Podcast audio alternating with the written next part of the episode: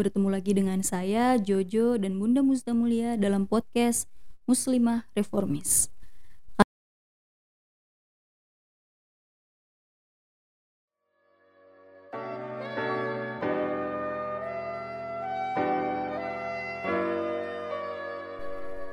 Assalamualaikum warahmatullahi wabarakatuh. Ini adalah podcast Muslimah Reformis. Podcast ini berusaha mendialogkan persoalan-persoalan kemanusiaan dalam spirit ajaran Islam yang universal dan inklusif. Podcast ini bisa didengarkan di Spotify dan Anchor. Kita sampai di episode 13 dengan tema berpikir kritis dan literasi digital. Selamat mendengarkan.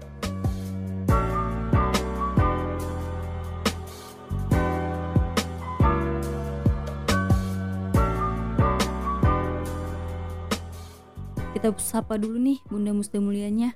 Assalamualaikum Bunda. Waalaikumsalam warahmatullahi wabarakatuh. Sehat ya Jojo. Nah, saya ingin menyapa juga nih sahabat uh, muslimah reformis. Mudah-mudahan ya kita semuanya selalu sehat, selalu damai dan bahagia. Amin. Amin, amin ya rabbal alamin. Nah, sekarang kita ngebahas soal ini nih Bun, berpikir berpikir kritis dan literasi digital uh, kita kita semua tahu ya kemajuan teknologi informasi dan komunikasi itu bikin kita harus meningkatkan literasi digital terutama di Indonesia gitu karena kalau kata apa namanya kalau kata orang-orang gini bun lebih tajam mulut netizen daripada pisau katanya gitu. Betul ya. Mulutmu lebih, adalah harimaumu. Iya, lebih tajam ketikannya katanya. Nah, masyarakat ini bisa meningkatkan kemampuan kognitifnya ya sehingga keterampilan yang dimiliki juga nggak e, sebatas cuma main medsos tapi juga tahu batasan-batasannya. Nah, ada nih satu buku judulnya Kerangka Literasi Digital Indonesia mengatakan kalau literasi digital adalah kemampuan yang menggunakan teknologi, informasi dan komunikasi untuk pertama menemukan, kedua mengevaluasi, ketiga memanfaatkan, keempat membuat, kelima mengkomunikasikan informasi dan kecakapan kognitif dan teknikal. Nah, literasi digital inilah yang akan membuat kita mampu berpikir kritis, memecahkan masalah, berkomunikasi dengan lancar dan bisa berkolaborasi dengan banyak orang gitu. Nah, literasi digital ini sangat diperlukan di tengah gencarnya sebuah informasi. Jadi informasi itu kan setiap detik datangnya gimana cara kita memfilterisasinya. Ini ada satu data Bun, berdasarkan Kementerian Komunikasi dan Informatika atau kita sebut Kemenkominfo selama periode Agustus 2018 sampai Agustus 2021 ternyata ada 8.878 temuan isu hoax Bun. Dari ini isu yang uh, ya sangat cepat gitu. Per detik tuh bayangkan ada berapa orang yang menyampaikan itu. Hoax ya? Um, dan orang percaya lagi ya? Iya makanya bun itu kan aneh banget ya makanya sekarang pertanyaannya adalah seberapa penting sih bun literasi digital di era disrupsi gitu kita sebutnya bun. Iya jadi kita ini sedang berada pada era disrupsi hmm. uh, digital ya. Sebuah era di mana berlimpah ruah informasi yang datang ya dari mana-mana kiri kanan ya. Jadi saya kadang-kadang suka kasihan juga sih sama masyarakat terutama masyarakat uh, milenial kita yang masih masih muda gitu kan. Mm-hmm. ya jadi mereka tuh bener-bener apa ya uh, jutaan informasi berlimpah dalam satu detik itu ya. Nah sekarang kemampuan untuk memilah-milah informasi yang penting dan tidak penting itu tidak semua dimiliki oleh orang ya.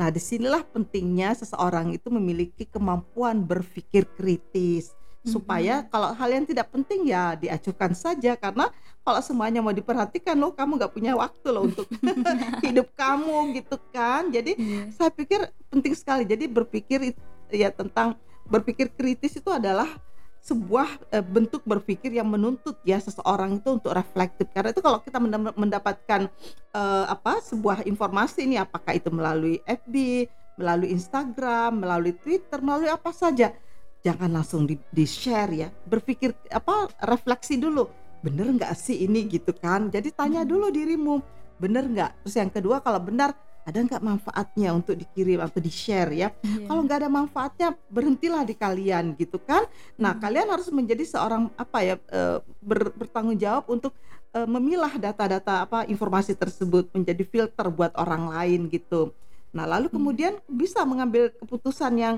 uh, sesuai dengan uh, kebenaran yang kita yakini oh nggak boleh kita kita mesti tanya dulu bener nggak ini nah karena itu berpikir kritis memungkinkan orang untuk menyimpulkan dengan lebih banyak logika jadi berpikir rasional bener nggak eh, Mempro jadi juga memproses informasi yang canggih dan melihat berbagai sisi masalah sehingga mereka dapat menghasilkan kesimpulan yang lebih solid. Nah kalau semua orang berpikir kritis begini kan, insya Allah ya nggak ada uh, hoax yang hoax. akan mene, ber, apa, menebar, tidak ada fitnah, ya tidak ada berita bohong, nggak ada berita dusta, tidak ada ujaran-ujaran kebencian, hate speech dan sebagainya. Hmm. Nah amanlah dunia ini ya kira-kira yeah. seperti itu. Tetapi yang membangun uh, kemampuan berpikir kritis itu tidak semudah yang kita bayangkan. Bayangkan ya kalau kita nggak punya filterisasi dalam diri ya bunya ya gimana mau filter Kasian di medsos gitu ya. kan jadinya nah berpikir kritis itu paling tiga paling tidak memiliki tujuh ciri-ciri kritis.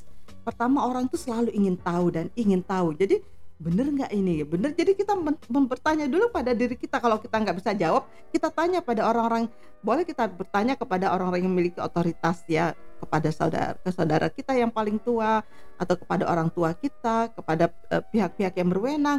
Bener nggak ya cerita ini? Atau bener nggak informasi ini lalu yang kedua itu berpikiran selalu berpikiran terbuka sehingga kita selalu uh, apa uh, selalu mendapatkan uh, keuntungan ya dari sikap kita yang terbuka. Jangan begitu dapat informasi lalu dikekep sendiri seolah-olah orang lain nggak boleh tahu. Tetapi kemudian itu disalahgunakan gitu kan. Yang ketiga itu mampu berpikir sistematis ya analitis dan gigi terhadap kebenaran.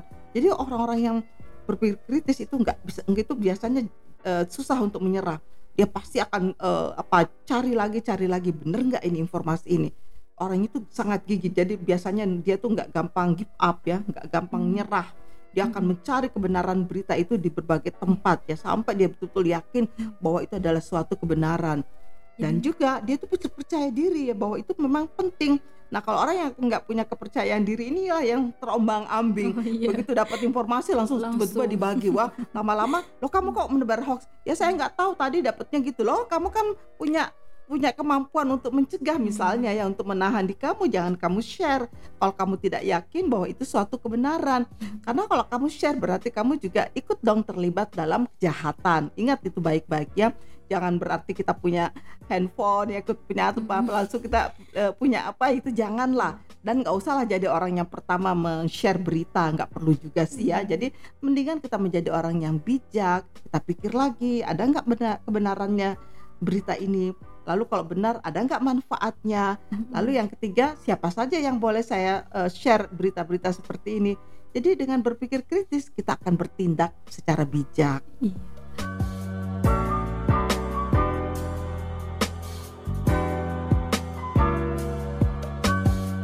mungkin gini bun. Memang kita ada refleks ya bun ya untuk kita tahu satu informasi kemudian langsung membagikan gitu. Makanya yang perlu dilatih mungkin uh, keputusannya itu ya bun ya. Keputusan untuk membagikan atau tidak gitu. Kalau karena refleks pasti ada bun setiap orang gitu. Dia kan kaget nih misalkan ada berita soal nah itu dia. Hmm. makanya dalam berpikir kritis itu ada dua komponen ya yang hmm. membentuk seseorang itu mampu berpikir kritis. Yang pertama ini kemampuan. Kemampuan itu memang harus diasah nggak nggak sekali jadi ya. Kemampuan untuk menghasilkan dan memproses informasi atau apa pun ya. Jadi punya kemampuan nggak untuk membaca? Karena itu kalian harus punya uh, apa kemampuan ini harus dibangun ya bukan bukan sekali jadi. Jadi kemampuan untuk menghasilkan dan memproses informasi. Nah yang kedua ini kebiasaan tahu nggak sih? Hmm, iya benar. jadi orang kalau kebiasaannya suka share share begitu tanpa berpikir kritis itu udah kebiasaan kebiasaan buruk ini susah loh dihilangkan. Sama dengan kecanduan narkoba gitu ya.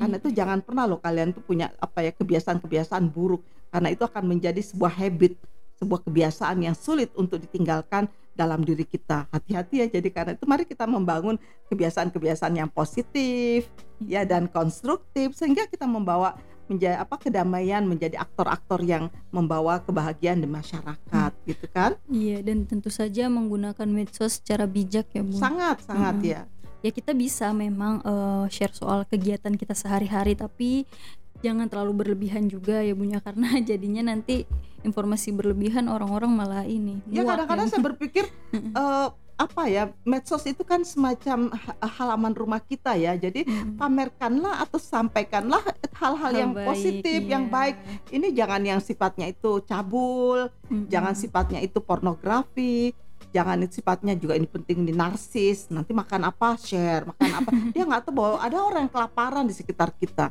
Ada orang yang nggak bisa makan di sekitar kita. Kamu punya hati nurani nggak sih ya? Karena itu tolong deh ya. Jadi medsos itu gunanya untuk men-share ya eh, memang mungkin eh, kalau mau share makanan itu dalam rangka oh ini ada resep makanan seperti ini. Tapi bukan dalam konteks memamerkan bahwa saya bisa loh makan kayak ginian Iya. hari ini makan ini besok makan itu. Itu kayaknya sedih juga saya melihatnya bahwa orang itu kok taunya cuma makanan ya. Hidupnya hanya untuk makan kasihan aja gitu loh. Iya. kecuali kalau dia ingin berbagi resep Iya. ya resep yang mudah eh, apa simple dan sebagainya. Itu juga bermanfaat nih buat sesama.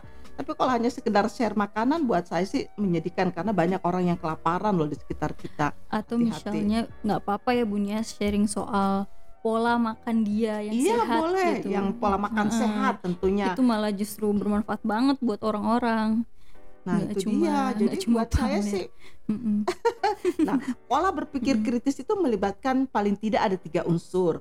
Yang pertama, dia tuh punya kecenderungan untuk mempertimbangkan masalah dan subjek ya yang ada dalam jangkauan pengalaman seseorang dengan cara-cara yang bijaksana. Jadi dia punya sikap untuk selalu mempertimbangkan ya. Selalu Mm-mm. apa ya selalu ini bener nggak sih, baik nggak sih. Jadi pertanyaan-pertanyaan ini selalu ada. Nah yang kedua, dia harus punya unsur apa ya, punya pengetahuan tentang bagaimana eh, melakukan penalaran yang logis. Nah, kalau nggak punya pengetahuan tentang ini ya susah juga. Itulah sebabnya bacalah ya ikra ya dalam Iya. bahasa eh, Al-Qur'an itu bacalah, bacalah. Jadi jangan pernah berhenti membaca. Nah, ketimbang kamu membaca status-status yang nggak nggak penting, apalagi status mantan yang menyakitkan, aduh Ya, mending deh baca deh, baca tentang apa hal-hal yang membangun penalaran, memberikan wawasan yang luas. Itu kan lebih manfaat hidup kalian ya enggak? Iya. Nah, yang ketiga, beberapa keterampilan dalam bagaimana menerapkannya metode-metode dalam metode penyelidikan atau metode-metode penalaran logis tersebut. Nah, dengan demikian kan kita bisa di sedikit demi sedikit membangun keterampilan berpikir kritis dalam diri kita sehingga pada akhirnya itu menjadi sebuah habit ya, menjadi sebuah kebiasaan dalam kehidupan kita. ya berarti yang perlu literasi digital tuh semuanya ya bun Semuanya teras Pokoknya tua. literasi Mm. digital itu merupakan eh, keniscayaan ya, Hmm. merupakan kebutuhan yang Iya. sangat-sangat eh, krusial bagi masyarakat kita sekarang ini karena kita hidup di era digital. Nggak Hmm. lama lagi kita berada di era industri kelima loh, di Iya. mana semuanya itu serba hologram. Waduh, 5.0 ya udah mulai bun sekarang zoom gini bun sekarang kalau kita ya generasi muda nih bun eh, sebagai anak muda gitu kita menghadapi satu persoalan yang ini tuh aneh banget nih bun jadi orang tua kan ada yang baru eh, apa namanya kenal sama medsos. Misalkan WhatsApp pun atau Facebook. Nah mereka kan belum bisa memfilter mana informasi yang itu hoax dan eh, kebenarannya bisa dipertanggungjawabkan gitu bun. Kadang-kadang kita sebagai anak muda itu malah membimbing mereka gitu bun. Orang tua. Nah tapi permasalahan adalah satu bun. Mereka malah gini apaan sih kalian tuh nggak ngerti apa-apa? Ini dari temen-temen ibu misalkan kalian tuh nggak ngerti apa-apa ini dari temen-temen yang share gitu nah itu gimana tuh bun kita baiknya ya orang tua seperti itu ya. ya tapi bukan ya itulah sebabnya menjadi orang tua itu nggak mudah ya. Kita harus selalu mengikuti perkembangan zaman. Iya, mengikuti dinamika kemajuan teknologi termasuk teknologi digital Kanto menjadi orang tua zaman sekarang ini nggak mudah loh ya karena kalian itu sudah ketinggalan zaman ya terutama kalian para kolo, apa, para era kolonial nih kayak Iya. saya ini di- eh, adalah masyarakat eh, era kolonial tapi saya nggak mau ketinggalan informasi saya selalu baca dan membaca sehingga saya tidak kehilangan kemampuan untuk eh, apa merespon ya persoalan-persoalan baru termasuk yang berkaitan dengan eh, teknologi digital. Nah, Hmm. orang-orang tuh seperti ini ini dari teman saya, bahkan ada yang mengatakan ini dari imam saya ya Oh, gitu iya. kan.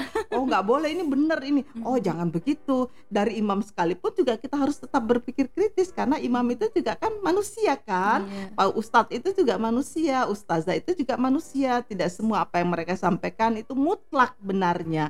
Karena itu Mm-mm. nggak boleh kita mem- mem- apa menganggap segala sesuatu yang datang dari orang-orang itu sebagai hal yang mutlak, yang mutlak benarnya dan tidak bisa lagi di apa dikritisi.